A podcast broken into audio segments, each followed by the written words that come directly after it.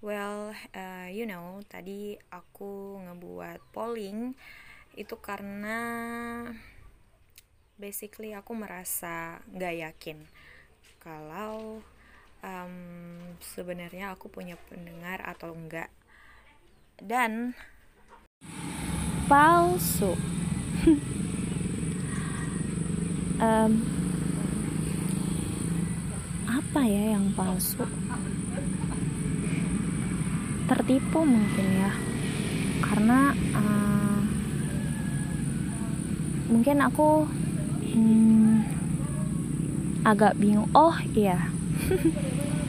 Ini masih mencoba mencari topik. Jadi uh, aku ingat sekali di tahun 2016 itu aku pernah tertipu karena mendapatkan sebuah ya telepon telepon palsu. Tapi bukan diriku ya tapi itu orang lain gitu ya. Jadi ceritanya dia maksa si penelpon itu maksa uh, palsunya ini mengenai uang di dalam ATM jadi yes aku terkena penipuan dan uang itu aku udah sudah kumpulkan sejak dari semester 2 apa 3 gitu ya uang yang terkumpul itu tidak banyak sekitar 3 juta.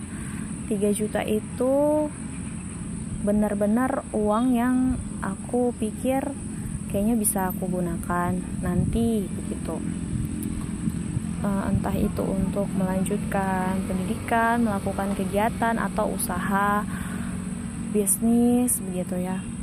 Uh, tapi yang bikin sedih karena uang itu hilang secara mendadak gitu. Nominal 3 juta sekian-sekian itu aku simpan di dalam ATM nah di dalam ATM itu jadi ceritanya ini juga sih pokoknya harus hati-hati. Temanku itu dia minta untuk hmm, seniorku sebenarnya. Jadi kita ada, ada dalam satu asrama dalam satu kos gitu. Dia ada di lantai satu. Actually I have forgive forgive her. Uh, mungkin ini kenapa aku jadi kayak menceritakan ini se sebagai pelajaran aja. Jadi dan dia minta tolong supaya mau diantar ke ATM terdekat gitu. Saya bilang oh iya ini ada ATM BRI yang di depan. Mau diantar? Iya mau. Ya diantar lah dia.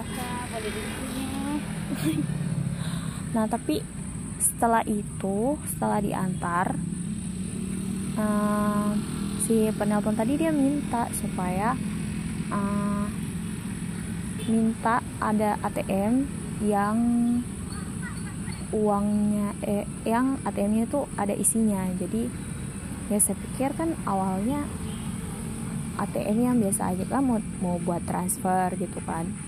Ya sudah dikasih ATM yang kosong. Tapi ternyata yang tadi tuh si bapak-bapak ternyata minta ATM yang ada isinya. And then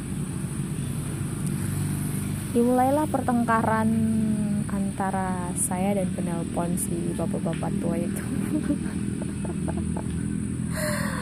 Orangnya maksa dan mengakibatkan dia memaksa saya dia bilang ini bukan penipuan gitu. Ini tuh cuma kayak uh, akan memberikan slot hadiah tertentu begitu setelahnya. Terus um, in the logic term pasti kayak ya nggak mungkin lah. Masa kita kirim uang dia mau ngirim balik gitu loh. Totalnya itu beneran terjadi dong. Uh, setelah uh, disuruh lah ya bilang ini tekan tombol uh, bintang pagar 99 uh, 91 berapa gitu terus bintang uh, nomor nomor begitu. Terus saya bilang ini buat apa? Bilang katanya udah tekan aja dan for your information ternyata hmm, ada loh yang kayak uh, tinggal maksudnya di ATM tuh tinggal tekan nomor tertentu saldo untuk saldo tersimpan yang terakhir terus habis itu tekan bintang terus habis itu tekan nomor penerima terus itu habis itu nggak tahu tekan enter kah atau tekan apa pokoknya setelah itu uh, ternyata dia bilang di ATM transferan udah sudah dilakukan. Sisa saldo anda sisa 99 ribu sekian sekian. Gimana nggak patah hati coba? Dan I just know it kalau ternyata ada tipe penipuan uh, seperti itu semenjak saat itu saya jadi tidak pernah lagi ya namanya kayak pinjamkan uang sama orang. Lebih daripada yang bisa saya ikhlaskan. Jadi kalau saya cuma bisa ikhlas 50 ya udah saya kasih pinjam 50 kalau saya bilang 200 ya udah saya kasih pinjam 200 karena udah kayak kalau sifatnya meminjamkan kepada orang itu artinya kita sudah tidak berharap uangnya full akan recovery kembali kembali sama seperti beberapa uh, tahun kemudian ada adik kelas yang katanya dia mau berangkat kembali ke Surabaya terus dia nggak punya uang untuk bayar taksi jadi dia mau pinjam 300 ribu. Ya ternyata udah gak pernah kembali lagi. Jadi gitu aja. Pokoknya uh, uang itu ada yang uang dingin ada uang aktif. Yang uang dingin ini boleh buat kayak ya udah boleh. Tapi kalau uang yang aktif untuk uh, uang kayak bayar makan bayar transport. Nah uang uang yang kayak gini tuh sifatnya nggak bisa sering atau nggak bisa kayak kita mau pinjemin ke orang lain karena kita mau hidup kayak gimana dong? Susah banget. Dan yang terakhir momen palsu yang pernah terlewati itu adalah uh, pas apa ya ada orang yang kirim struk um, palsu gitu. Jadi struk katanya dia udah transfer duit tapi ternyata itu transferan bodongan aja. Jadi pas uh, besoknya dicek ternyata nggak ada transferan sama sekali. Dia bilang kan ada transfer sekitar 4, 5 juta sekian sekian nah itu transferannya kan berlebih. Harusnya itu cuma sekitar 3 juta. 2 jutanya dia minta dikembalikan segera. Uh, anaknya sakit gitu.